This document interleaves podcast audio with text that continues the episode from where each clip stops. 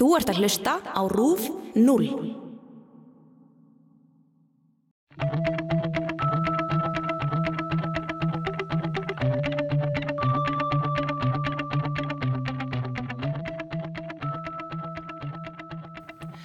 Við höfum öll fyrirfram mótaðar hugmyndir um alls konar hluti sem við þekkjum ekki nægilega vel.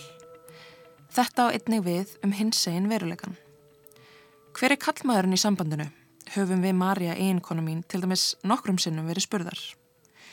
Þá heyrist því oft flegt fram að tvíkinneiðir séu bara gráðir, eikinneiðir hafi aldrei stundan nógu gott kynlíf, samkinneiðir séu það líklega bara vegna þess að þeir hafi aldrei átt sjens í neitt á gagstaði kyni og að hins einn fólk sé almennt bara allt veikt á geði.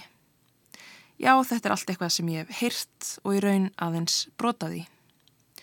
En fordómar og ránkumundir byggjast auðvitað á fáfræði. Og oft verða hugmyndir af þessu tægi til vegna einhvers sem settir fram í kvikmyndum eða dægurmenningu. Er hugarheimur hins einn fólks þar oft spunnin út frá gagkinhegðu normi og því hinnar ymsu ránkumundir sem verða til. En allar þessa mýtur geta flegst fyrir okkur og gert það verkum að við hræðumst það að vera við sjálf.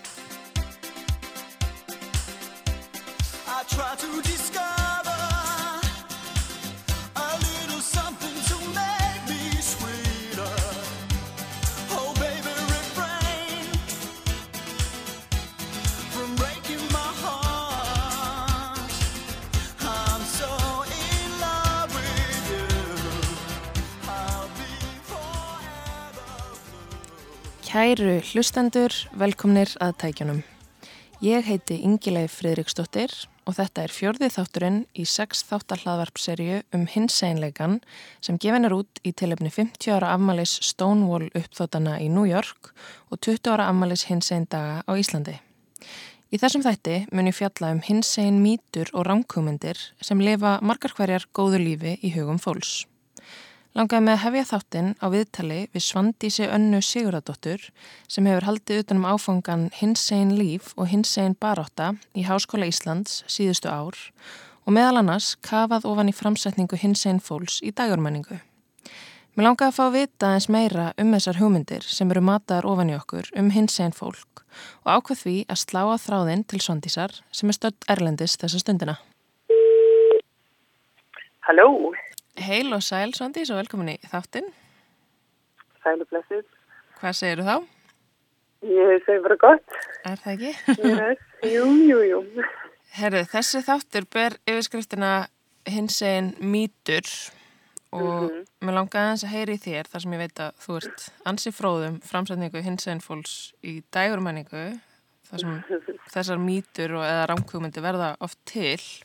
Mm -hmm. uh, getur þú kannski sagt mér aðeins í byrjun bara hvers vegna uh, já, það skapast oft svona mikla rámkvömyndir um hins eginn fólk vegna þessar framsetningar? Fyrsta framsetningi mjög sem alltaf er normið í rauninni, það er alltaf miðjan í, í því sem er verið að sína mm. uh, hvort sem eru bíómyndir eða þættir eða hvað sem við erum að tala um og þá hérna er hins einn fólk oft frávik og nota til þess að skerpa á norminu. Það er svona hefur kannski verið svolítið allavega sögulega því að þegar við horfum á það ja. og hérna er kannski notað eitthvað svona ykt uh, útlýtt eða haugðun eða eitthvað slíkt uh, sem á kannski vera komíst eða, eða hérna eða sorglegt eða hættulegt það er svona heimsæðin fólk sett í það hlutverk mm. og skerpur þá á sko hverjir eru góðir og það er yfirlega hérna um, fólkið inn í normunni þá gekkir með það hérna síðs fólkið og, og í gegnum það skapast kannski ákveðnar mýtur um eða svona staðalmyndir í raunni um að hérna lesbían sé þessi ólega karlmannlega lesbíða sem þó hatar karlmenn og vil bara ná í ungar stúlkur er svona hérna, mjög ógnandi og hérna og hommin sé hérna, ofurkvennlegur og algjör aumingi og, og allt sem er ekki alvöru karlmennska náttúrulega allt innan gæsa lappa mm. og hérna og það verður oft ymitt svona komíst eða, eða hættulegt eitthvað sem á að varast sko, eitthvað sem að var restina hérna, kannski aðrar ímyndir, aðrar, aðrar karakterar eða personur nota svona til að spekla sér frá hér henni. Um. Það verða til þessar ímyndir og, og svo náttúrulega öll svona kynja normin eða, eða fólk sem stýgur út fyrir kynja normin, það er oft náttúrulega eitthvað svona frávik sem að bera varast rauninni. Já, þykir einhvern veginn svona vera eitthvað uh, sem, sem er öðruvísi og hættulegt og, og... Já, svona óeðli, svo mikið svona hugmyndir um óeðli er eitthvað óeðlilegt við, þú veist, maður horfið bara hérna, þú veist, bara hérna, svona dæmi, hérna, Silence of the Lambs sem maður horfið á, þú veist, ondikallin í þeirri mynd. Mm. og þú veist, er tengdur við hann á væntalega að vera transmanniska og hérna og það á að vera svo rosalega afbröðilegt sko tengt við einhvern veginn að hann sé síðan morðingi.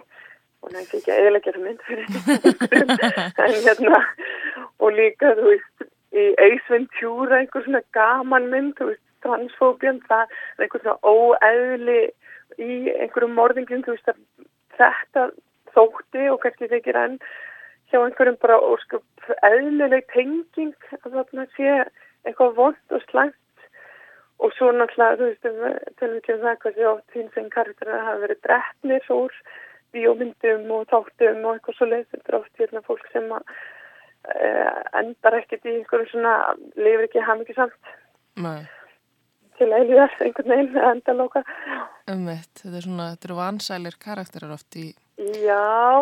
bíómyndum. Og skapast um eitt þessar, svona yktar staðalmyndir sem að þykja sko neikvæðar, þú veist, ég minna að vera einhver svona karlmannleg kona, þú veist, það er ekkit eitthvað sem að er bara, þú veist, vera að horfa á sem, hérna, valdeflingu eða bara hluta flórunni eða, þú veist, mm. eitthvað sem er bara óskup eðlilegt, það er, hérna, á, litið á það sem eitthvað neikvægt og afbreyðlegt og, og verða til þessu staðalmyndir sem síðan alltaf hafa áhrif líka inn í samfélagið, sko, hins veginn samfélagið, þar segja.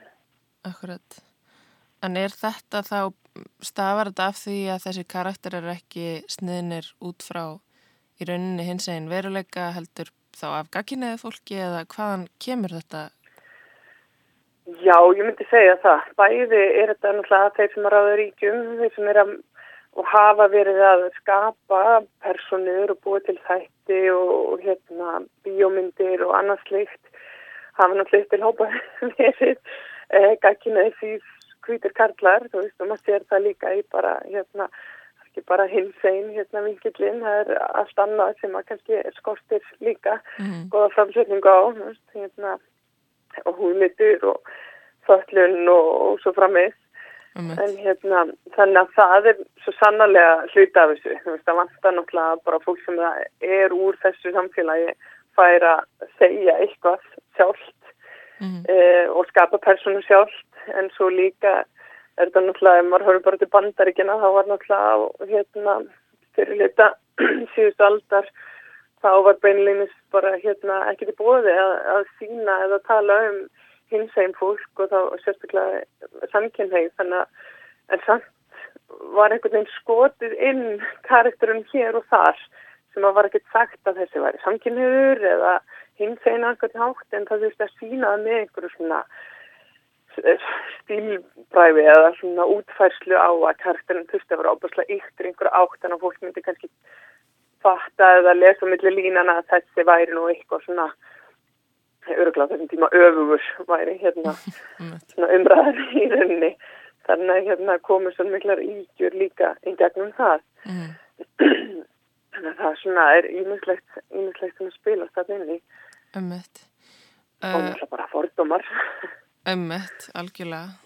Og, en ég hefur, ömmett að því þú ert að lýsa í hvernig þetta kannski, hvernig upphæðu þessu var, það var kannski ekki mikið rými til þess að ræða ofinskapt um þetta en, en hefur þú séð eitthvað svona þróun, þú veist, í kvikmyndasögunni uh, á þessu, þú veist, hafa, hafa karakterinir orðið, orðið meira ofinskáir og, og svona það adressaði í myndunum þá að þeir séu hins einn eða Já, það hefur alveg svo sannlega breyst og gerðist alveg bara að setja þetta síðustu aldar, þú veist, það fórum að sjá uh, einhverja hins einn karaktera sem að fengu þú veist að snertast og kissast og þetta var eitthvað sem að hérna náttúrulega þóttir rosalegt tabú en hérna en þeir fengu að vera hans til og, og svo eru kannski þannig koma einhverjir og þannig er við aðalega að tala um kannski samkynja ást mm. sem að færa sjást að einhverju leiti um, svo kemur eitthvað transfólk inn í kvíkmyndir uh, setnilita uh, alveg undir lóksýðust aldars eitthvað svo leitt aðeins meira en hérna en þetta er oft maður kannski kemst á meiri dýft þegar maður horfur á sjómarstætti og mm. það er svona kannski meiri tróun og einhver meiri dýft í þessum hins einn karakterum að að þeir eru ofta ekkert endilega aðalpersonur í kvikmyndum. Það er mjög sjálfgæft að heil bíómynd snúist um hins einn mannisku og, hérna, og það er eitthvað sem að er ekkert að þróast meitt rosalega rætt, finnst mér. Mm. Og hérna þannig að það kannski sérst frekar í einhverjum sjómarstáttum en svo þróunin þar kannski að þeir fá að vera með og þeir svona e, auka einhvern svona fjölbreytileika eða eiga kannski að höfða til með hinsveginn samfélagsins þannig að það fólk fer að horfa en það er ekki alltaf það er svona mismunandi hversu vel það er gert í raunni mm. e, hversu mikið er verið bara að kaupa sér áfor frá hinsveginn fólki eða þú veist að hendin hérna já eitt bróðurinn hægja hann mann og samkinn hefur til þess að hafa svona einhvern fjölbreytileika að búið til einhver drama en það að einhver komið til skápnum eitthvað slíð en það hefur sínt sig að hérna, hins einn fólk er oft mjög ótengt hins einn samfélaginu í sjómanstáttum. Það er mjög sjaldan sem að sérst mæta á prætt eða, eða, eða einhvers konar hins einn dag að mhm. vera í einhverjum miklum tengslum í hins einn samfélag eða einhver mál sem er í gangi meðal hins einn samfélag. Það er svona minna af því nema þátturinn sé þá fyrst og fremst algjörlega bara um hins einn fólk sem er kannski hverjus fólk eða elvörd eða eitthvað svoleið sko. Um en hérna þannig að þetta er oft svona einn og einn sér á báti inn í einhverju þáttum og tengdur hins veginn samfélag mm. og yfirlega er þetta kvítt ófallað frekar kynja normatíft þannig að við menn það að sjá svona einhverja ímynd sem að fólki finnist kannski tægilegri mm. og já þannig að allir gangur á því hversu mikið er sínt af einhverjum svona ástum að millir og sama kyni um eitt og greinilega svona sniði líka svolítið út frá því að, að hérna það fyttir óslega vel inn í þennan gagkinniða veruleika. Já, þú veist, þetta er svona kannski bara stuðningssögurnar sem er gangi að færa að fljóta með en, en það er ekkert verið að umturna neina að fara inn í einhvern svona samkynniðan veruleika og mikið, þannig séð sko. Um eitt. En þú nefnir líka áðan kveikmyndunar að það sé ekkit rosalega hröð þróun í því að, að hérna, það séu svona aðal karakterar að myndina gangi út frá þessu hinsegin normi -hmm. uh, en er ekki líka dæmum það í þeim kvikmyndum þar sem að aðal karakterarnir eru hinsegin að þá samt sem áður komi einhvers konar uh, gagkinnægt norm samt sem áður inn í það uh, hvort sem maður hefur séð, séð í einhverju myndum að að það eru lesbíur og svo heldur önnur þeirra framhjá með kallmanni eða eitthvað slíkt. jú, jú, það er alveg, það hérna, hefur ekki verið að gera það þessar blessu hérna kvikmyndir. Að hérna keipa og sérstaklega lesbíurna, það er eitthvað opuslega hættulegt oft við að konur hérna eigi bara einhvern veginn sinn veruleika og sitt kynferði og, og kynlíf án þess að karlmenn fái einhvern veginn að koma þanga við sögu. Og það er hérna, ég meina á mér það mynd sem að, þú veist að Kids are alright mm. Hérna sem að var þó gerð af lesbíu, það er mig og aftur algjör spoiler hérna er náttúrulega ein önnur af þessum tveimur sem eru par sko fer og sefur hjá kallmanni og þetta er allt svo förðulegt í þessar mynd því að við mitt ekki að til umræði í, í hérna námskeinu upp í háskóla hins einlíf námskeinu uh og þetta er, já, þetta er rosalega einnkjönleg flækja sem byrstist þarna og einhvern veginn, hvernig karlmaðurum fara að skjóta sér inn í veruleika þeirra, þetta er rosa sérstakt og alls ekkert einstæmi, þetta er mm.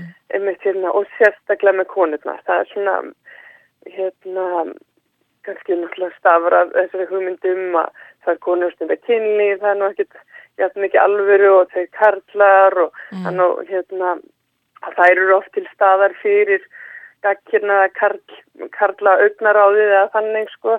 Að meðan það er ekki alveg jafnvel séð að hérna karlmenn séu nú kannski tvíkir neyðir eða geti svona þú veist hérna verið með karlmanni og svo konu og svo aftur hoppa inn í sambandi fyrst með karlinum. Það er hérna fólki finnst það óþægilega mm. þannig að þetta er svona kannski líka að gert lítið úr því að konur séu með konum. Það er svona oft einhverju hérna staðalmyndum að það sé ekki jafn mikið alvöru. Um þannig að það er skýst inn í Óhugsandi náttúrulega það sé ekki karlmaður í myndinni. Emmitt og það er séu bara sáttar við það. Þannig að það er hérna reynda rétt úr því nokkrum kveitmyndum Emmitt, þetta er svolítið merkilegt af því að hérna, já, ég held að svona margir verðið samtun á séu kannski ekkit sérstaklega að að nýta í þessa, þessa hluti í, í bíómyndum eða þáttum en, en þegar maður skoðar þetta svona í kjölinn þá er þetta emitt, það, það skýn svo af þessu að þetta er myndað emitt út frá veruleika e, sískakinniðs fólks. Já og þetta er í rauninni þetta svona klassíska gamla sko bara augnar á gaginniða karlsins í rauninni sem að færa ráðu á. Þannig að þá verða búið til myndir og svo mikið út frá því augnaráði mm. og það gera því augnaráði þetta gæðis hvort sem að það er kallmæður eða ekki sem er að horfa og gagginur eða ekki. Þannig að veist, það er svona já það er opastlega svona sorglegt að þegar að þeim eitt kannski eins og þessi mynd sem ég var að nefna sem er gerð af lesbíu. Hún skuli samt falli þessa grifju en þetta er hérna einmitt svona ráðandi í þessum stærri svona mainstream allavega kvikmyndum og, og, og sjónvastáttum. Já, en finnst þér þessar staðal ímyndir eitthvað að vera breytast, þú veist, maður náttúrulega áður fyrr, að ég man bara þegar ég er allast upp og, og þegar maður sá eitthvað, eitthvað hins einn fólk í kvikmyndum, það var einmitt eins og lístir aðan svona rosalega yktar týpur mm -hmm. og yktir karakterar, þú veist, finnst þér þetta eitthvað að vera breytast eða þróast í eitthvað aðra átt? Já, ég myndi alveg segja, sko, þú veist, eins og verið nefna á þessi ykta ímynda sko einhverju karlmannleiri lesbíu sem er svolítið svona að finna sína bráð í einhverju ungri saklestu við konu. Hérna, það, það hefur breyst. Og í staðin erum við ekki að sjá þú veist einhverju svona búts lesbíur sem eru bara að lifa góðu lífi. Þú veist þær tekið ekki nógu fínar einhvern veginn, mm. þú veist við erum alltaf aftur að einhvern veginn að þóknast ákunni auknar á því. Og þá erum við að sjá miklu meira af kannski kvennlegri lesbíum mm. inn í þessum svona mainstream eða svona hérna, þáttum og bíómyndum sem að fá mikið á, áhorf mm. það, þú veist það já, mjög erfitt með að muna eftir einhverjum þáttum eða myndum þar sem það eru þú veist lesbíur sem eru kannski meira karlmannlegar eða andrótjunus eða svona mm. út fyrir eitthvað svona hvernlegt kynjanón þannig að ég held að það hafi svo sannlega breyst mm. og svo kannski með með samkynna karla því það er svona þeir fá ennþá að vera óbúrslega fínir. Það er einhvern veginn það er þessi staðalmynda þeir eru nú vel til hafðir og snistilegir og kunna að klæða sig og allt þetta. Hún hefur einhvern veginn haldist en, en hún þykir líka svona þægileg. Mm. en hérna en þeir eru yfirlegt ekkert síndir kannski neitt rosalega kynfyrslegir það er svona það er kannski eitthvað, eitthvað breytast en ekkert það, það er líka kannski eitthvað sem kemur ofta upp um þetta er svona stóra spurningakannanir og svona, og fólki finnst, það er ennþá stór liti fólk sem finnst óþægilegt að sjá tvo kallmenn kissast. Já, ok. Þannig að þetta er svona, það er verið að halda kannski, ég manna kom svaklega umræðum hérna þættina Modern Family sem mm. dæmi, það eru tveir karlar sem eru par mm. og þú veist það voru einhvern veginn öll önnur pörinn sem voru gagginni í þessum þáttum, allir búin að kissast og gott ef ekki líka unlingstelpan kærast að sinna eitthvað svo leitt en ekki þeir, veist, það var svona að fara að kalla svolítið eftir, ég bara herði þetta og eitthvað, er eitthvað af þessu dæmi að hérna allir er múin að eiga bara kostnum að þeir, þannig að það var svo sem lagfæst en hérna, en ég veit ekki hvort að þetta var þú veist, bara viðbröðu því að fólk fór að kalla eftir þessu. Þú veist, hvort að korsin hefur komið, hvort þið er eða hvað, mm. en þetta svona sínir ákveðið veist, að það kannski er ekkit alltaf í bóði að, að verða að vera að sína þessar ástir þú veist, að kannski tala um að að gefa þær í skinn mm. en ekkert endilega sína of mikið. Ummitt, hræðislega við að missa áhorf ef að verður, verður fara óland út fyrir að kynna það norm. Ummitt, svo veist, það eru ennþá sko einhver mörg og línur og, og hérna og þau kannski, þú veist, breytast aðeins og mjagast í einhverjar áttir en, en svo kannski haldast alveg virkilega vel samt sem áður mm. og, og það er svona kannski eitthvað sorglegt við það að maður svona fagnar því að lóksunns er einmitt það er að vera að sína einhverju sögur, það er að vera að sína karaktera og hins einn fólk og svona og ég viðkenni það alveg, ég leip á staði ef ég veit að það er eitthvað gott hins einn efnið og þáttur með einhverju hins einn fólki en, mm. en svo að það bara vera að sína, þú veist, halvan karakter eða þú veist, segja halva söguna meðan allir aðri er það dýft, það er alveg mjög svekkjandi og náttúrulega sínir að við erum ekki komin lengra en þetta. Mm. og þá náttúrulega, þú veist, sér maður frekar meiri dýft í svona ég verið að hinsa í miðar og minnst ótrúlega áhugavert að elvörd sé að fara aftur í gang. Um eitthvað sem kom út sko hvað 2003-04 eitthvað svo leið og veist, var í gangi 6 ár, 5 ár. Mm. Og er að fara detta aftur í núna og svona meðal þess sem við verðum að tala um er að þú veist ástæðan er að það, það hefur ekki breyst ná mikið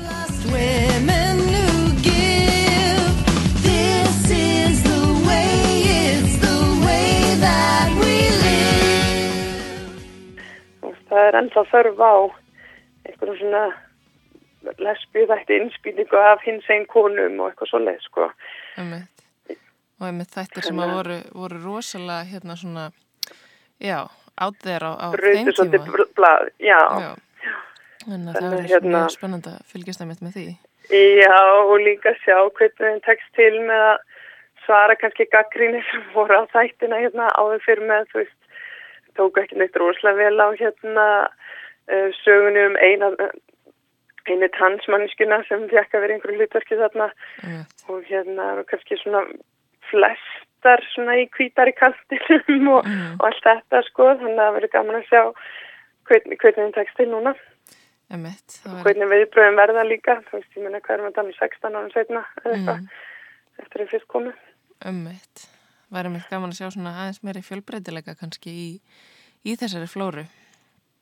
Já, ég, hérna, ég held að, þú veist, það reyndi sitt besta, held ég, hérna á þessir og hérna náttúrulega að horfa þá í dag eru ekki bara, þú þeir eru bassins tíma, en hérna, þau sýnir kannski líka hraða þróun innan hins veginn samfélagsins og það er mikla kröfur náttúrulega, þú veist, það er, samfélag sem fær ekki mikinn sínileika veist, inn á þessu stóra sviði þannig að mm. þegar hérna, það er einn tátur sem áverum hins einn konur það er ansist stórt og mikið mm. sem mhm. þarf að reyna að dekka Akkurat, kröfunar auðvitað. Já, tölu verðar Já, en... og líka að því að þú veist í gegnum söguna hefur náttúrulega sínileiki mér líka frekar svona leikvæður bara þú veist. Hérna, lítill og svo ekkert endilega frábært þegar hann hefur verið til staðar. Nei.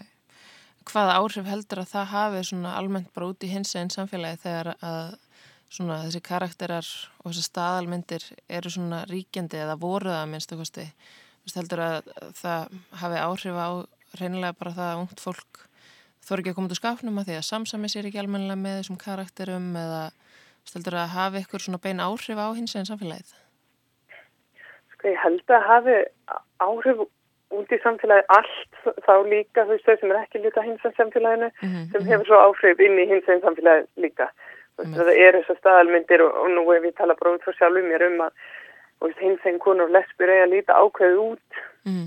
Og ef þú lítur ekki svona út þá erst ekki lesin sem hins en konar að lesbija og það einhvern veginn setur því svona engilna stöðum að koma oftar út. Mm. en kannski sleppur við einhverja fordómar sem það eru annars fengið og væri nógu kallmannleg eða lesbíuleg svona að leppa mm.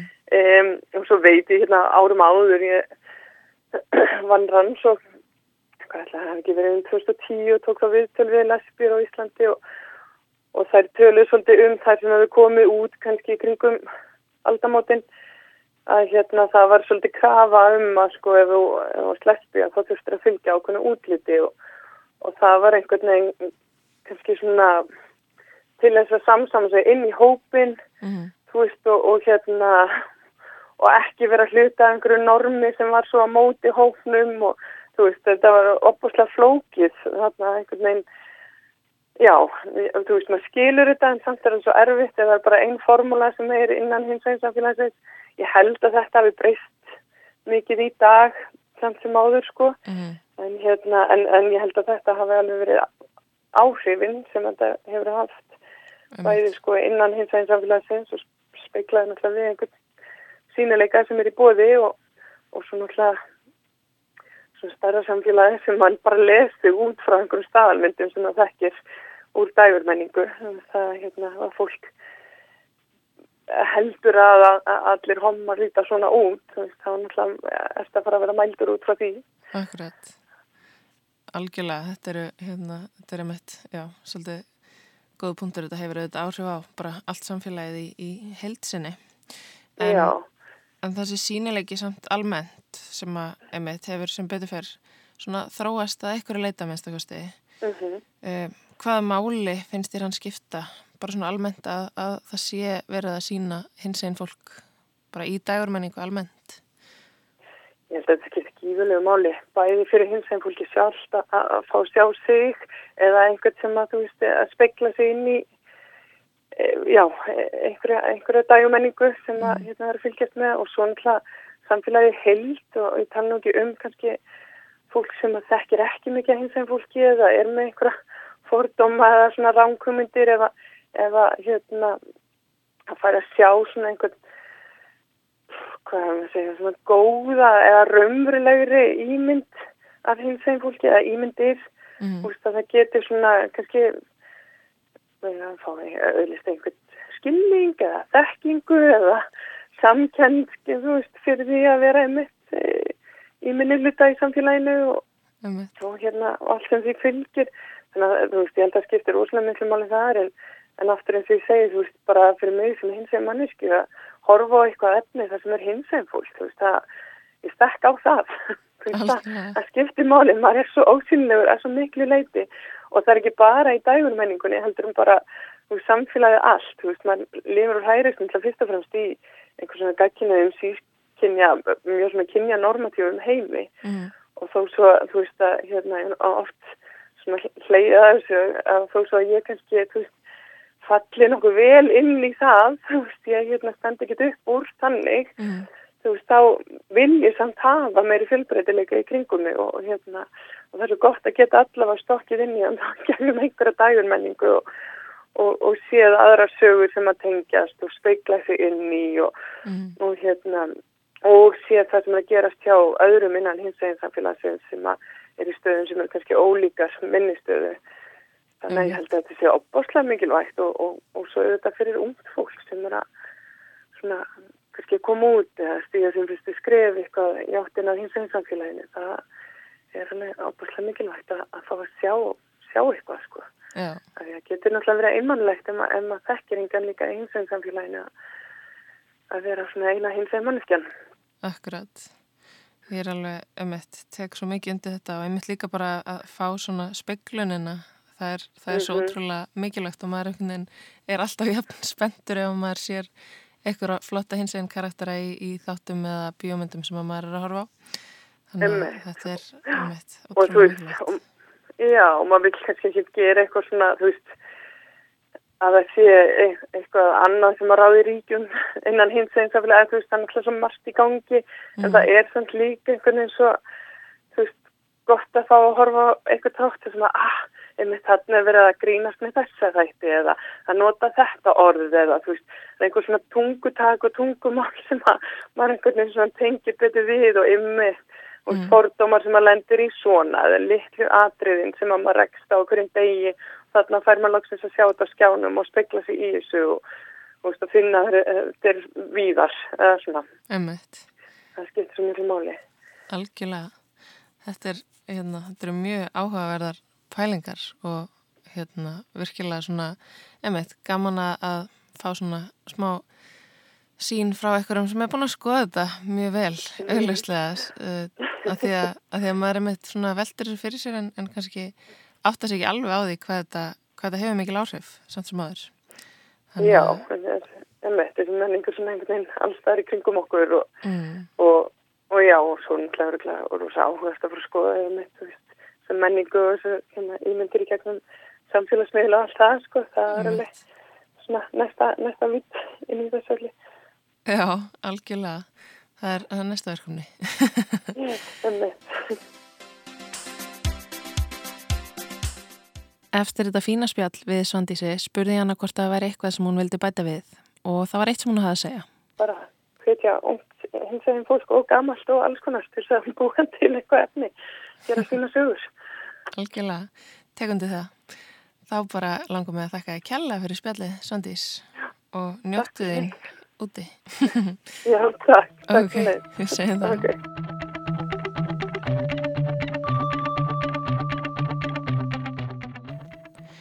Eftir að hafa kafað ofan í þessa staðalýmyndir og mýtur langaði með að heyra hvernig þær hafa haft bein áhrif og ákvað því að heyra í Uglu Stefáníu Kristjánu Jónsdóttur, einni öflugustu baráttukonu transfóls hér á landi, um hennar persónulegu reynslu. Hún er búsett í Breitlandi og slóið því einni á þráðin til hennar. Hæ. Heil og sæl Ugla og velkomin í þáttinn. Takk.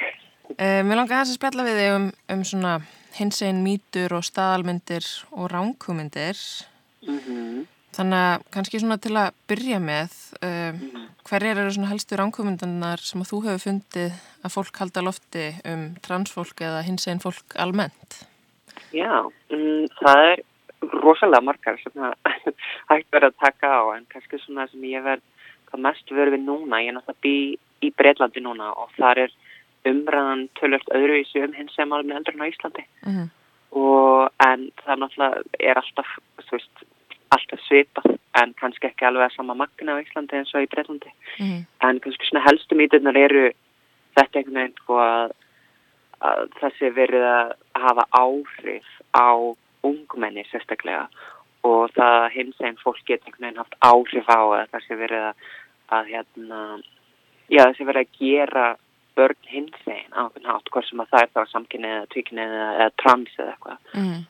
og þetta hefur verið svolítið viðverandi held ég bara alls fyrir heiminum einhvern veginn og, og þetta kemur alltaf svona regluleg upp þegar talað er um hins einn fræðslu mm.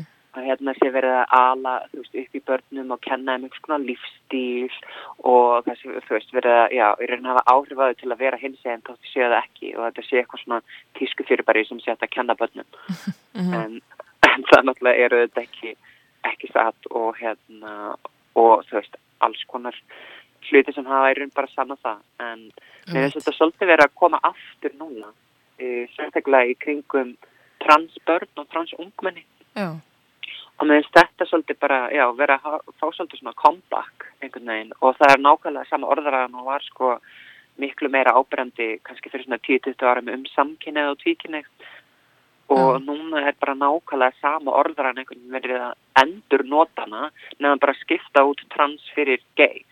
Og, hérna, og, og það er einhvern veginn verið að segja að, veist, að transfólk sé bara að hafa veist, já, sé að reyna að fá krakka til að vera trans. Og þarna sé verið að uh, í rauninni taka alla krakka sem að sína einhvers konar óhefðbundna hefðun þegar kemur að kynnt tjáningu eitthvað. Og þau séu bara sendt á klíník og þau séu bara sendið aðgerð og þau séu bara orðin steltast okkur. Og veist, og það er einhvern veginn svona svo rugglegar hugmyndir um það þjónusti sem kannski transungmenni fá mm. og, og það ferli sem að þau hefa gengið í gegnum með fóruldur sínum að gangi í gegnum með heilbyrðiskerfuna, þetta er alltaf aldrei það að veist, einhver koma á einhverja klíník og, og daginn eftir eru þau bara komin á hormona og að fara í aðgerð í næstu þannig að ég segir að börn eru náttúrulega bara svona ung þá er þetta náttúrulega snýst þetta bara um félagslegan stuðning og að leifa barninu sjálfu bara ákveða hvað þeim finnst þægilegt og hvort að þau vilji taka einhver skref sem eru þá kannski að taka nýtt nafn eða nota nýtt fornafn eða, eða hvað sem það er sem að barninurinn finnst þægilegast og þannig snýst alltaf fyrst og fremst um krakkan sjálfan. Og Mm. það er einhvern veginn svolítið sem að mér finnst svolítið gleymast í þessari umræðu. Fólk heldur bara að sé annað sko foreldra sem sé hafa áhrif eða einhver svona utvæðkomandi samtök eða hópar. Og, og svo þegar umræðan byrja náttúrulega um hérna hormonablokkar eða blokkar sem að hæja og kindur sko, þá er náttúrulega líka allt brjála og það, er verið að tala um að þessi hérna sé verið að hafa einhver ónöðsileg ingripi líka með barna og þú veist að sé verið að valda um einhverjum óheirilegum skada en í rauninni eina sem hormonablokkar að gera er bara að setja hérna kynþorska á, á pásu mm. og, og það er náttúrulega ekkert gert fyrir að börn eru byrjuð á kynþorska þannig að þetta er ekkert gert fyrir krakka sem eru bara eitthvað 8-9 ára þannig að og, og, og hormonablokkar hafa verið notaðir sko í einhvern tíðin alveg frá hundi 8. áratögnum og þá var fyrst verið að nota það fyrir sko krakka sem fóru of snemma á kynþorska og það var yeah. talið óæskilegt að þau byrjuðu of snemma á, á kynþorska þá var verið að tala um kannski 6-7-8 ára bönn mm. og, hérna, og þannig að og þau voru í raun miklu lengur á, á hormonablokkar um heldur en spörnir yeah þannig að í rauninni þú veist sína rannsóknir þetta er gerðsamlega hérna, ekki, ekki hægt á því að vera á svona hormonablokkurum og ef það er fylst vel með öllum hlutum eins og bara þú veist ræklilega að fara í tjekk og tjekka á beinþýningu og öllu svona, öllu svona hlutum sem að hormonar hafa áhrif á þá er engin hætta í gangi sko og, og transkrakkar er ekkert á þessum hormoninu maður kannski bara nokkur ári senn þannig að þau ákveða hvort þau vilja taka einhver önnur skref. Ummitt Ég emitt, er alveg samanlega að hafa heyrt, þetta svolítið að, að sérstaklega að vera að tala um ung transbönn að þá erist fólk halda bara að fóröldrarnir hefði sendt fimm ára gamlan krakka í aðgerða maður Já, emitt. Emitt, skilur ekki alveg hvað þetta stafar? Nei, emitt og þú veist það er bara að vera mikið í Breitlandi sko, sérstaklega þar er bara að koma einhver svona frettir þar sem er bara eitthvað Bud Center Sex Change Clinic og maður er bara hvað er í gangi? Og bara hvaðan kemur þetta? Af því að þetta á bara engin rauk í raunveruleikanum. Eða ákveð stiðast neinn rauk í raunveruleikanum. Og rosa erfitt einhvern veginn að koma auða á hvaðan þetta kemur og hvers vegna sko, fjölmjölar eða hvers vegna við bara sem samfélag getum ekki verið aðeins gaggrinni á þetta og hugsa aðeins meira fyrir okkur sjálf og haft fyrir því að kynna okkur svona hluti. Því að þetta, þú veist, er ekkert hættilegt og það er ekkert verið að gera neitt hérna, gera neinum neitt skada með því að leifa fólki bara að tjá sig eins og þau vilja. Ömmut. Og þetta er vissulega ekki, ekki smitandi eins og, eins og margir við að stalda. Nei, því get ekki nærra á fólk og það verður það tvönd. en hérna, hva, svona, hvaðan heldur þetta stafi þessar rámköfundir? Þú veist, er þetta bara, er þetta bara fáfræði eða, eða er þetta eitthvað sem að, þú heldur að komi, þú veist, úr dægurmenningu eða eða mitt bara frá miðlum sem að er ekki nægilega gaggrínir í hvernig þeir setja fram hlutina eða? Já, sko, þetta er, það er mjög rosa erfitt að koma almenlega það en ég held að þetta kemur náttúrulega frá einhverjum sko hópum sem eru bara almennt á móti hins einn málumnum mm. og, og einhvern veginn sko viljandi miskilja eða viljandi eru búin að, þú veist, já, viljandi eru búin að býta það í sig að koma sér trúum að, að þetta sé svona burt frá hver er ömruleikin mm -hmm. og þegar að fólk er komið einhvern veginn á þannan stað þá skiptir í engu máli hvað segir við þau eða hvað þú reynar að gera. Að því að sömt fólk mun bara alltaf sama hvað vera einhvern veginn á mótið og þetta fólk er rosa svona oft fólk sem er rosa hérna, er rosa dramatíst og er rosa sterkaskoðanir og er rosa svona uh, já, sterkarskoðanir sem að fjölmjölum finnst oft hérna, að taka oft einhvern veginn inn í, í fjölmjölum vegna þess að, að fólk vill einhvern veginn miklu meira Æ, veist, við erum bara svo liðlegir hérna, neytendur frétta því að það sem er langt dramatískast er eitthvað sem við viljum heyra. Og það er það sem að fær mest, hérna, mest smelli á þessum síðum og það er það sem fær mest áhorfi í sjónvarpinu. Þegar það er eitthvað svona ótrúlega, veist, amstaðu pólar og fólk er einhvern veginn að rýfast mm og, og þetta er mjög alfengt sérstaklega í Byrjlandi sem að, að fjölmjölar eru miklu miklu harðari og snúast miklu meira um eitthvað svona rifdildendur en kannski á Íslandi. Mm og, og við sjáum það kannski umræðan um transbörn á Íslandi hefur alltaf öðruins heldur en heldur en í Breitlandi en, hérna, en auðvitað smittast þetta líka til Íslands og fólk uh, færi þessar upplýsingar bara af netinu. Og ef að fólk er ekki í gaggrinnið mm -hmm. þá er ótrúlega auðvelt að halda að þetta sé eitthvað hættulegt. Vegna að þetta er alltaf kitt sem eitthvað hætta. Það er alltaf verið að segja, já, við þurfum að hugsa um börnin við þurfum að vernda börnin og ef einhverju er aldrei heyrt um transbörn eða transfólk yfir höfuð og heyrir alltaf inn í frettum að það sé verið að, gefa börnum einhver hættuleg lif og það er sjökslega að fara að fara að senda um einhverja aðgerðir þá er ekkert skrítið að fólk hafi áhyggjur og finnist það eitthvað hættulegt. Það býr til eitthvað skonar bara svona ræðslu áróður Já, í rauninni, þetta er náttúrulega bara hræðsla áraður í grunninn. Og, og það er ótrúlega erfitt að vinna gegn hræðsla áraði af því að það er auðveldara að koma með hræðsla áraður heldur en að hrekja mm. af því að þú þarf í rauninni bara að segja eina, tvær setningar af einhverjum hræðsla áraði Mm. og það tekur oft bara mörg ár að berjast gegn einhverjum svoleiðis hræðsla áraði þótt að það sé engin grunni fyrir því það er bara því að við einhvern veginn sem samfélagi erum já, ég veit ekki alveg hvers vegna við einhvern veginn trúum bara öllu sem að við, sem að við lesum að sjáum og, og við einhvern veginn, já, málefni minnluthópa þá trúum við allt einhvern veginn því versta frekar en einhver öðru. Ummitt. Svona auðvelt að henda fram einhverjum fullirengum án þess að kannski vera með eitthvað á bakveða og Já. miklu, miklu erfið að vinda síðan ofan að því. Já, annað. En uh, svona áhugavert að heyra með munin á Breitlandi og Íslandi, finnur Mhm. þú persónulega fyrir mun á því hvernig þér er tekið á samfélaginu hérna heima og svo úti? Já, algjörlega. Ég sko náttúrulega, já, það er bara tekið sem dæmi hérna lögum um keirlands sjálfræði og, og það ferli sem að, sem að það tók og Mhm. hérna á Íslandi var þetta ferli í raun sko hefði aldrei átt í stað í Breitlandi. Það er bara ekki, ekki möguleik að þetta er gerst í Breitlandi.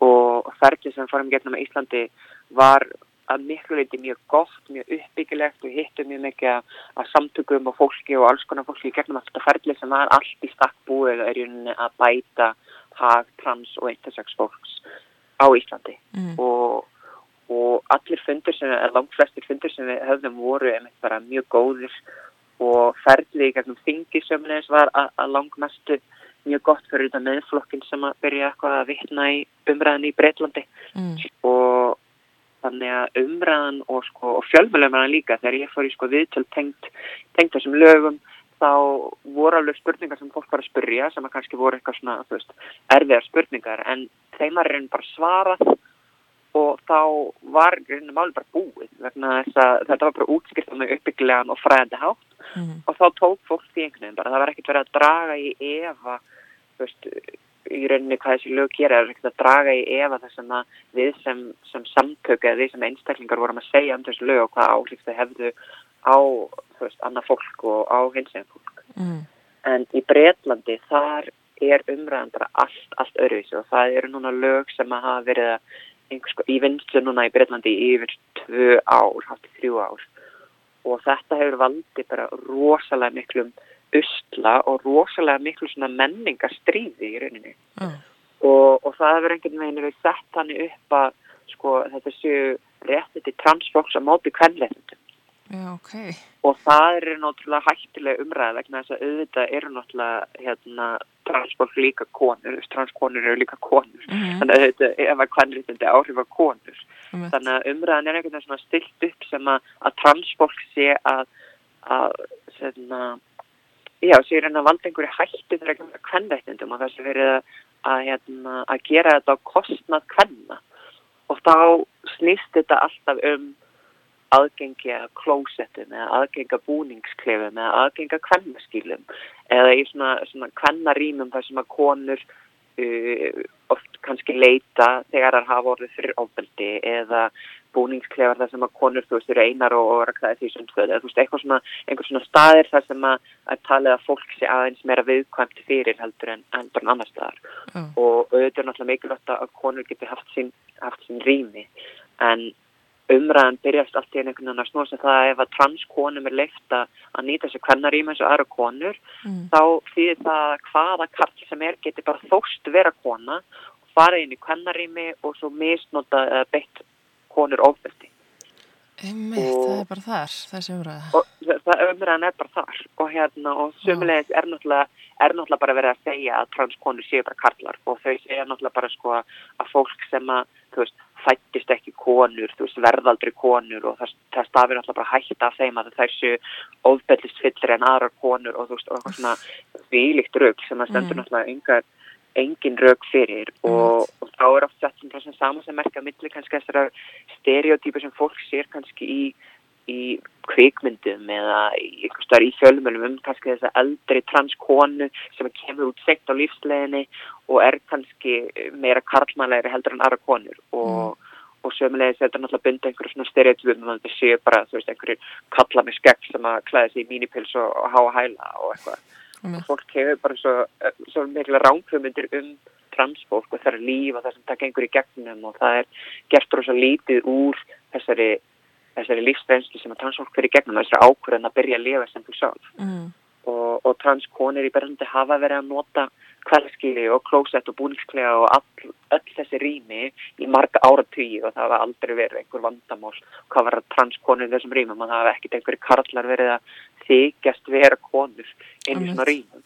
Ég menn þess að steklega tölum um kveldskili þá er náttúrulega konur að leita þanga vegna þess að hafa orði fyrir ofbeldi af hálfu oftast karla mm.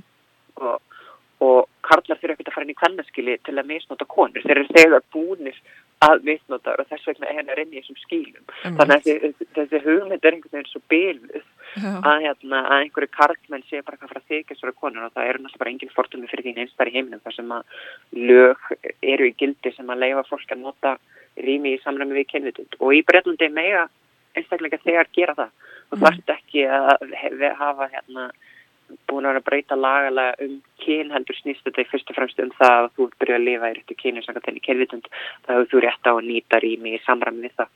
Mm. og, og þú veist þessi umræða er ekki svona á Íslandi. Og þú veist og svo sömulega snýst þetta náttúrulega líka um þú veist líka eins og fangelsi og þú veist og alls konar svona kynjurými. Mm. og á Íslandi til dæmis hittum við bara fangelsismála stofnun og rættum bara hvernig þessi málefni snerta fangilsmálastofnun og aðgengi transkvanna og transkarla og svo kynsæn fólks að þessum rýmum og hvernig þetta verður að tekið á því. En fangilsmálastofnun í Íslandi hefur náttúrulega verið með transfanga hinga til. Mm. þannig að það hefur ekkert eitthvað fyrir neitt neins konar vandamál. Og í rauninni var svolítið bara lendingin á því að náttúrulega auðvitað ekki transfólka nýta rými í samræmi við kynitund og öll mál væri náttúrulega bara tekin á einstaklingsgrunni. Og, og við hjá Trans Íslandu samtökunni 78 myndur náttúrulega bara vera ráðgjöfandi með þeim í öllum málum sem að koma upp. Um og í Breitlandi er náttúrulega kannski svolítið starra land þannig að það er kannski felgengara hérna, þú veist bara fleira transfólk og þannig að því að það er líka transfólk sem að, sem að fremur glæpi. Mm. en hérna, en í Breitlandi þegar einhver transmanniska fremur glæp þá er það svolítið notað einhvern veginn til að mála allt transfólk sem óbyrtisfólk eða allt transfólk sem einhvers konar hérna, fólks, já, sem óbyrtisfólk og, hérna, og þetta er náttúrulega bara nákvæmlega sama orðaræðan að nota gegn öllum minnildum eins og bara sörtu fólki mm. og, og hefur verið mjög ábrendi sérstaklega, já, hvað kallt sörtu fólki? Þú veist, það er bara einhvern veginn ein manneska sem fremur einhvern glæp sem tilhör einhverjum hóp og þá er allur hópurinn slæm um En það sama gengur einhvern veginn ekki, ekki sagt, á ekki við um til dæmis bara kallmenn yfir höfuð sem eru stæstur hluti fanga. Það er ekki já, einhvern veginn lagt upp með allir kallmenn séu glæbamenn eitthvað svolítið Já, en það er bara, veist, konur. Það er bara fullt af konum í fangilsi sem að framið alls konar ódæðsverk en það er ekkert verið að segja að, að síðs konur séu hættilegri þú veist, eldur næra konur eða, veist, og þetta hefur náttúrulega líka verið notað gegn lesbíum þú veist, mm. að það sé einhver hætta við þú veist, aðra konur að það sé hrifnar að þeim og eitthvað svona, mm. þannig að þessi orður er bara að vera endur notan svo rosalega mikið mm.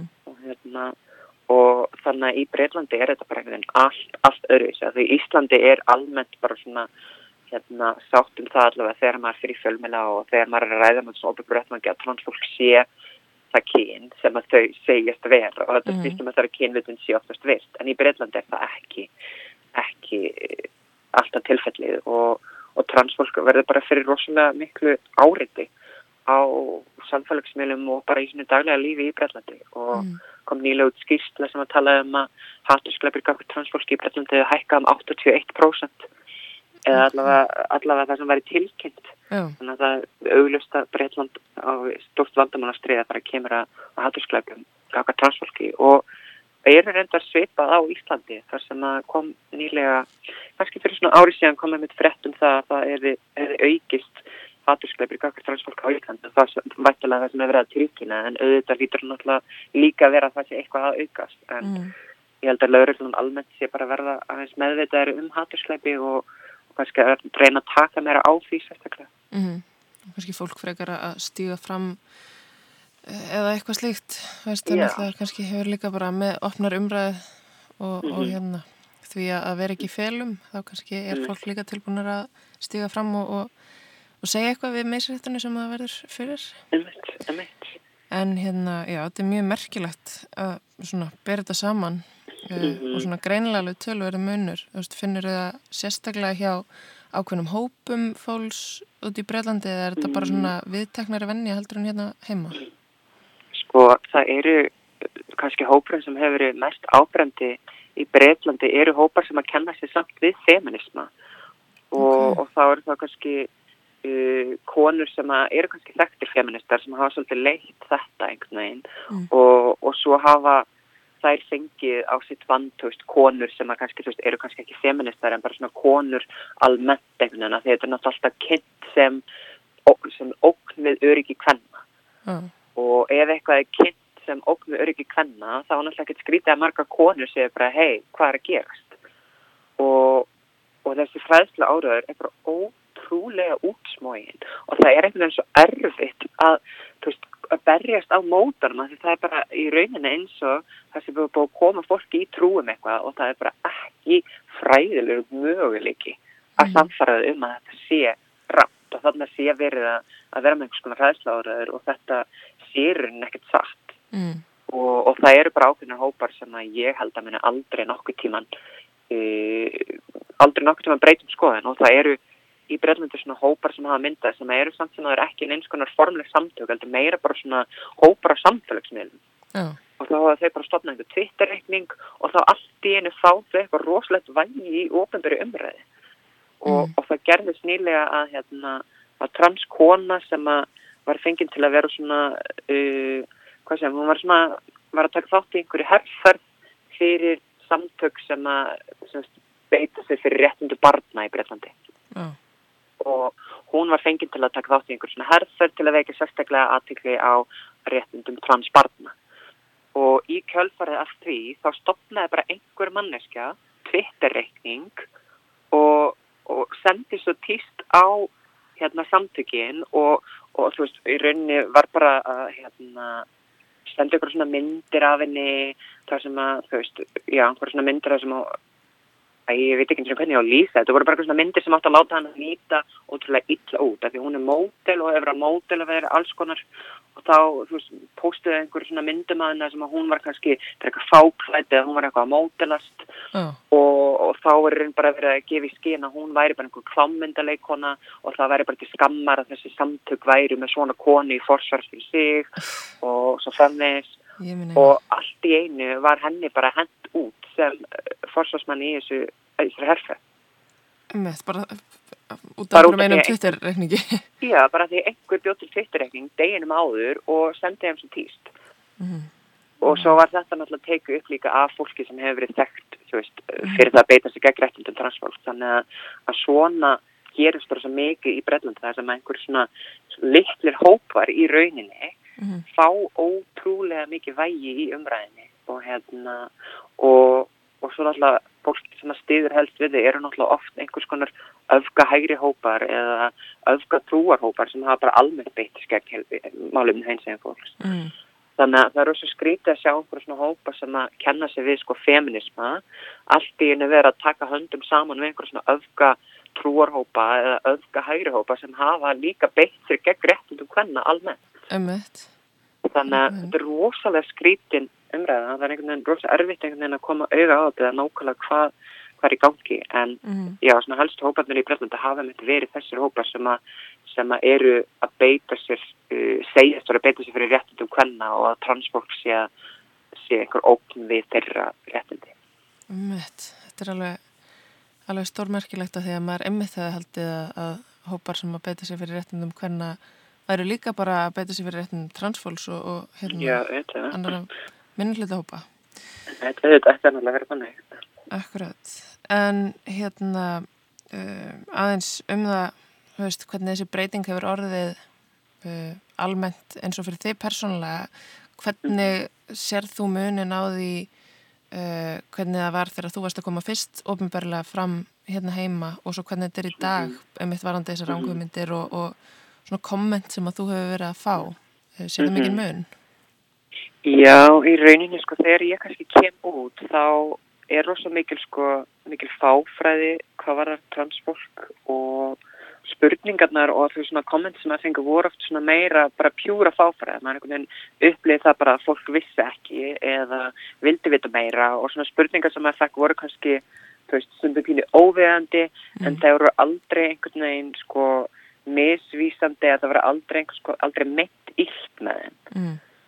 og, og það voru aldrei einhver svona undirlegjandi fordamar í rauninna baki, meira bara einhver svona fáfæði og, svo hefur náttúrulega rosalega mikið gæst bara núna á síðustu tíu árum og núna upplifa maður svolítið meiri mótlæti í rauninni, einhvern veginn, tótt að sé meiri vittneski á sama tíma fleiri sem að vita meira um transmálefni mm.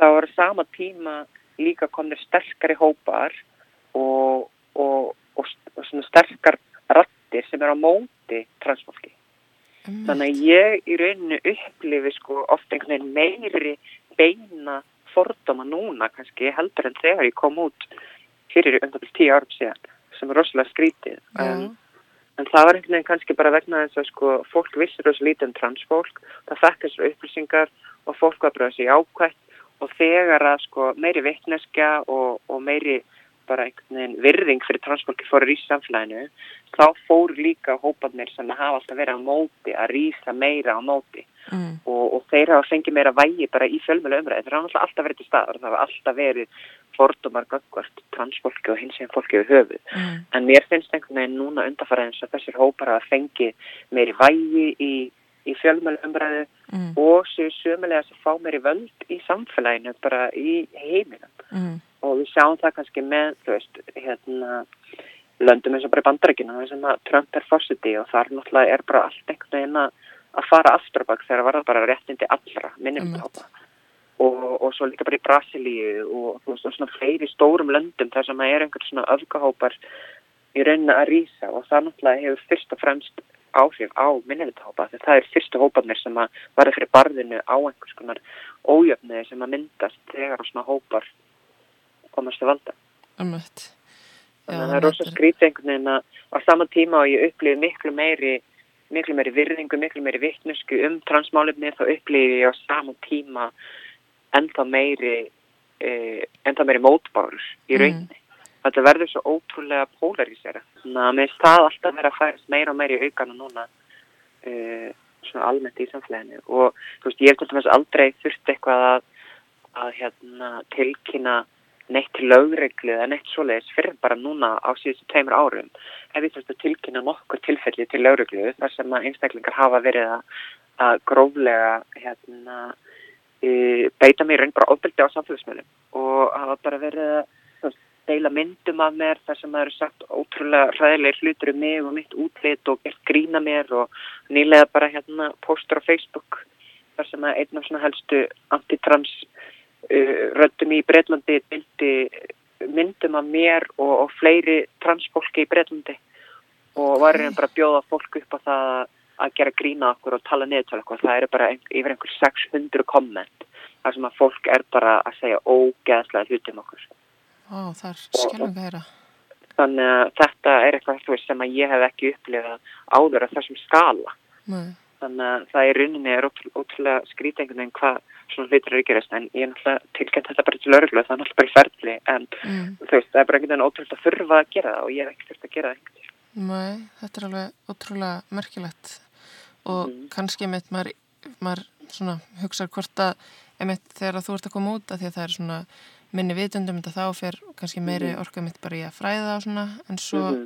kannski núna er hópum sem að sem að eru emitt núna að rýsa upp og þú finnur fyrir hatri frá eru kannski einhverjur einstaklingar sem upplifa að vegna þess að transfólk sé komið með eitthvað svona aukinn réttindi að þá sé að vera að mhm. ganga á þeirra eigin forréttindi eitthvað en maður einhvern veginn finnur stundum fyrir því að það virðist vera ræðsla við að bara með meiri sínileika og meiri ofinu umræðu og allt þetta þá, þá haldi fólk að maður sé að taka af þeim einhver einhver réttindi sem þau eiga fyrir? Nei, þetta er bara svipu umræða þegar Íslandi þegar hérna hjúskapalögin voru, voru, voru breytt. Ummitt. Það var einmitt svona mikil umræða núna að veri verið að eiginleika hjónaband og hvað með réttindi gagginhegra og veist, eitthvað svona rugg. Ummitt. Þannig að þetta hefur engin áhrif á. Eina sem þetta gerir er að auka aðgengi hins veginn fólks að giftingum og, og brúköpum og þú veist eitthvað svona. Þannig að þú veist umræðanefni snýst alltaf um þetta að fólki finnst þessi að því vegið um, og vegið að þeirra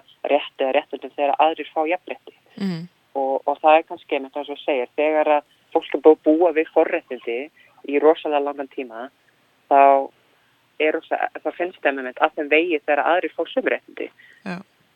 Það er svolítið merkilegt að hugsa til þess og maður er líka mm -hmm. sé, hefur séð núna að ég hef séð svona uh, nýlega umræðum um, um hérna straight pride vera svolítið Já. líka spretta upp þú veist en það sé hvernig eitthvað sem er allt í einu allt í einu upplifir svo mikið að gagginniðu sís fólki að það eigi engin réttinda því að það fær ekki að ganga gleðigöngu sem er alltaf bara ótrúlega Við veitum tala saman þegar að gagginni eru ólulega í svona 70-80 ríkjum í heiminum. Þá getur við kannski tala um pride. Þetta er alveg, já það er mikil hræðsla við það þegar minnilhluta hópar fá aukin réttinda eins og, eins og eins og stærri hópar í samfélaginu sé að fara að missa ykkur réttindi sem að eru auðvitað ekki. Nei, ég veit En mér finnst þetta virkilega áhugavert að heyra en Já. bara kannski aðeins að lokum að því þú nefnir að núna sé uh, hafa verið þurft að vera tilkynna mál til örglu. Er það alfarið eitthvað sem hefur lendið út í Breitlandi eða líka eitthvað hérna á Íslandi? Mm, ég bara lendið þið á í Breitlandi að hafa þurft að tilkynna eitthvað sérstaklega til örglu. Reyndar einu sinni hef ég tilkynnt bara á samfélagsmjölum til örglu á Íslandi Já. en það er samt eitthvað sama skala og það hefur verið í Breitlandi þannig að sko, umræðan á Íslandi er einhvern veginn á allt öðru, öðru plani hvað þetta var þar og ég einhvern veginn þegar, veist, þegar ég er á Íslandi og er að gera veist, er að fara í viðtöl og er að taka þátt í einhvers konar ofinbjörnum umræðan eða eitthvað þá óttast ég aldrei um öryggi mitt eða ég óttast aldrei um það að það muni myndast einhvers konar aðstæðar sem verði hættulegar eða að einhver muni segja eitthvað ótrúlega ótrúlega mókandi eða ógæðskætt eða óbildspult mm. en í Breitlandi óttast ég það alltaf í hvert einast skipti og ég fyrir fjölmuna eða hvert einast skipti og ég tala um einhverjum viðburði eða hvert einast skipti og ég er einhvers þar ofinbarlega mm. þá er raun býst ég alltaf við því að það verður einhvers konar fólk sem að muni koma og skapa vandræði mm. og, og það er bara ótrúlega og þú veist ég sem tilturlega hérna tilturlega ofinn manneska sem er rosalega hérna rosalega sjálfströst, mikið sjálfströst um hvað ég er og þú veist ég hérna, er ekkert óerug um neitt hvað mm. varðar það að vera trans eða, eða hvað ég stend fyrir og ef ég er að upplifa einhvern svona óta ef ég er að upplifa að ég sé óerug bara í almennum rýmum mm. þá get ég varðilega ímynda með hvernig kannski transfólk sem að fellur ekki að hefðbundnum hugmyndum um kynntjáningu eða transfólk sem er kannski nýlega komið út eða transfólk sem bara almennt verður fyrir meira áriti það, þú veist, mér finnst ekkert skrítið að meika transfólk sem við ekki breytnandi segir að það er bara erfitt með að fara úr húsi. Mm. og það er bara erfitt með að fara í vinn og það er bara erfitt með að þú út í búð. Uff. þannig að þessi umræða hefur rosalega, rosalega mikil áhrif á transsamfélagið og, og fjölmjölar spila það stórt hlutverk og er í miklu ábyrð hlutverki hvað var þetta.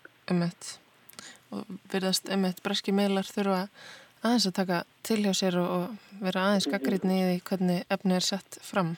Emmett, algjörlega. En er eitthvað svona sérstaklega sem að þú sérð færa aðra en nefnitt bara það að bera ábyrðaði hvernig maður setur fram hlutina uh, eitthvað svona önnu leið eða eitthvað sem er dettur í hug uh, til þess að tækla þetta og svona uh, draga úr þessum. Já, sko, ég held að það gangi einhvern veginn bara fyrir, þú veist, fyrir bara öll samfélag, þú veist, ef þú vilt fræðast eitthvað meira um minnendhópa, þá sýttur þetta alltaf fyrst og fremst um það að ræða við það fólk mm. og og búa þá til einhvers konar efni eða frekta efni eða heimildamindir eða jafnvel, þú veist, bara einhvers konar leikna þætti sem að taka á þessum álöfnum og það sé þá verið að hafa samráð við þessa hópa um þeirra raunverulega málumni. Þannig að sem leiða við fyrir að, að leiða einhverju svona haturshópum eða svona öfgahópum að, að spila eitthvað inni þá er strax verið að sína ranga mynd mm. og ég held að fjölmjöla þurfi bara að vera svona gaggrinni við hverja þau eru að ræða á hvaða grundvöldi þau eru að leggja sín rauk fram vegna þess að oftast, oftast er þessu hópar sem eru að koma fram í fjölumilum og eru að valda þessum ösla er fólk sem byggir þetta í rauninni bara á hræðsláðurari og, og engu öðru. Þannig að ég held að fjölumilum þurfi einhvern veginn að sko að hafa bara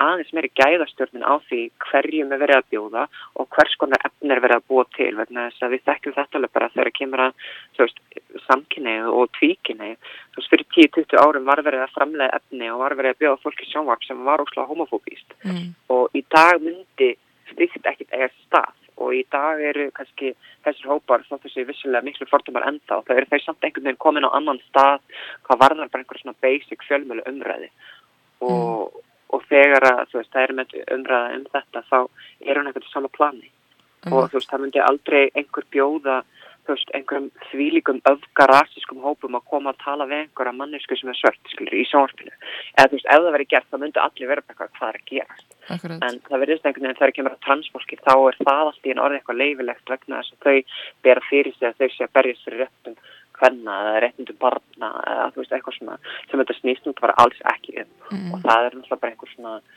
einhver svona afsökun til þess að bera á torg sína fordama og, og vekja óta hvað var að transfólk. Þannig að ég held að já, það snúið svolítið bara um það að leifa transfólki að, að tala um þau málumni sem að, sem að þarf að tala um. Að það eru ótrúlega mörg vandumál, ótrúlega mikið sem að þarf enda að vinna gegn.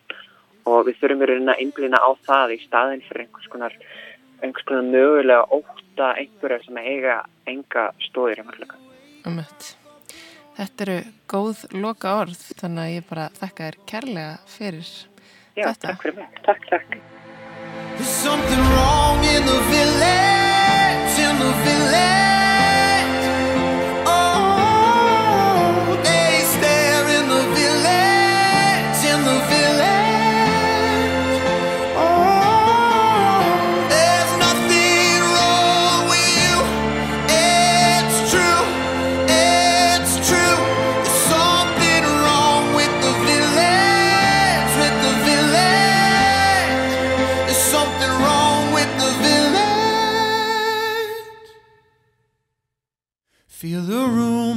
follow you from Monday all the way to Friday dinner.